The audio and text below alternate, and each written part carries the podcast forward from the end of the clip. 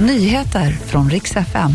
Turkiet kräver att Sverige gör det förbjudet att bränna Koranen och artisten Ozzy Osbourne mår dåligt och tvingas ställa in hela sin Europaturné. Vi ska börja med att Sverige borde förbjuda att bränna Koranen. Ja, det här är i alla fall Erdogans krav. Går vi inte med på det, då tänker han inte släppa in oss i NATO. Ja, nu går det ju inte att ändra på svensk grundlag i en handvändning, men utrikesminister Tobias Billström har också svarat att nej, Sverige tänker inte kompromissa med yttrandefriheten. Det som behövs nu, säger han, det är att situationen kyls ner. Och I Kanada så har provinsen British Columbia bestämt sig för att avkriminalisera heroin. Där ska det bli lagligt att gå runt med en mindre mängd heroin, fentanyl och kokain, rapporterar TT. Många medborgare här har dött av överdoser och med den här lagändringen så hoppas man att man ska få stopp på opioidkrisen.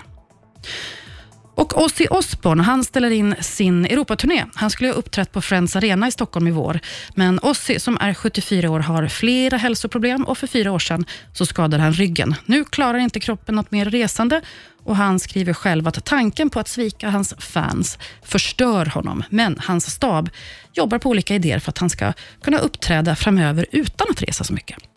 Det var nyheterna. Jag heter Maria Granström.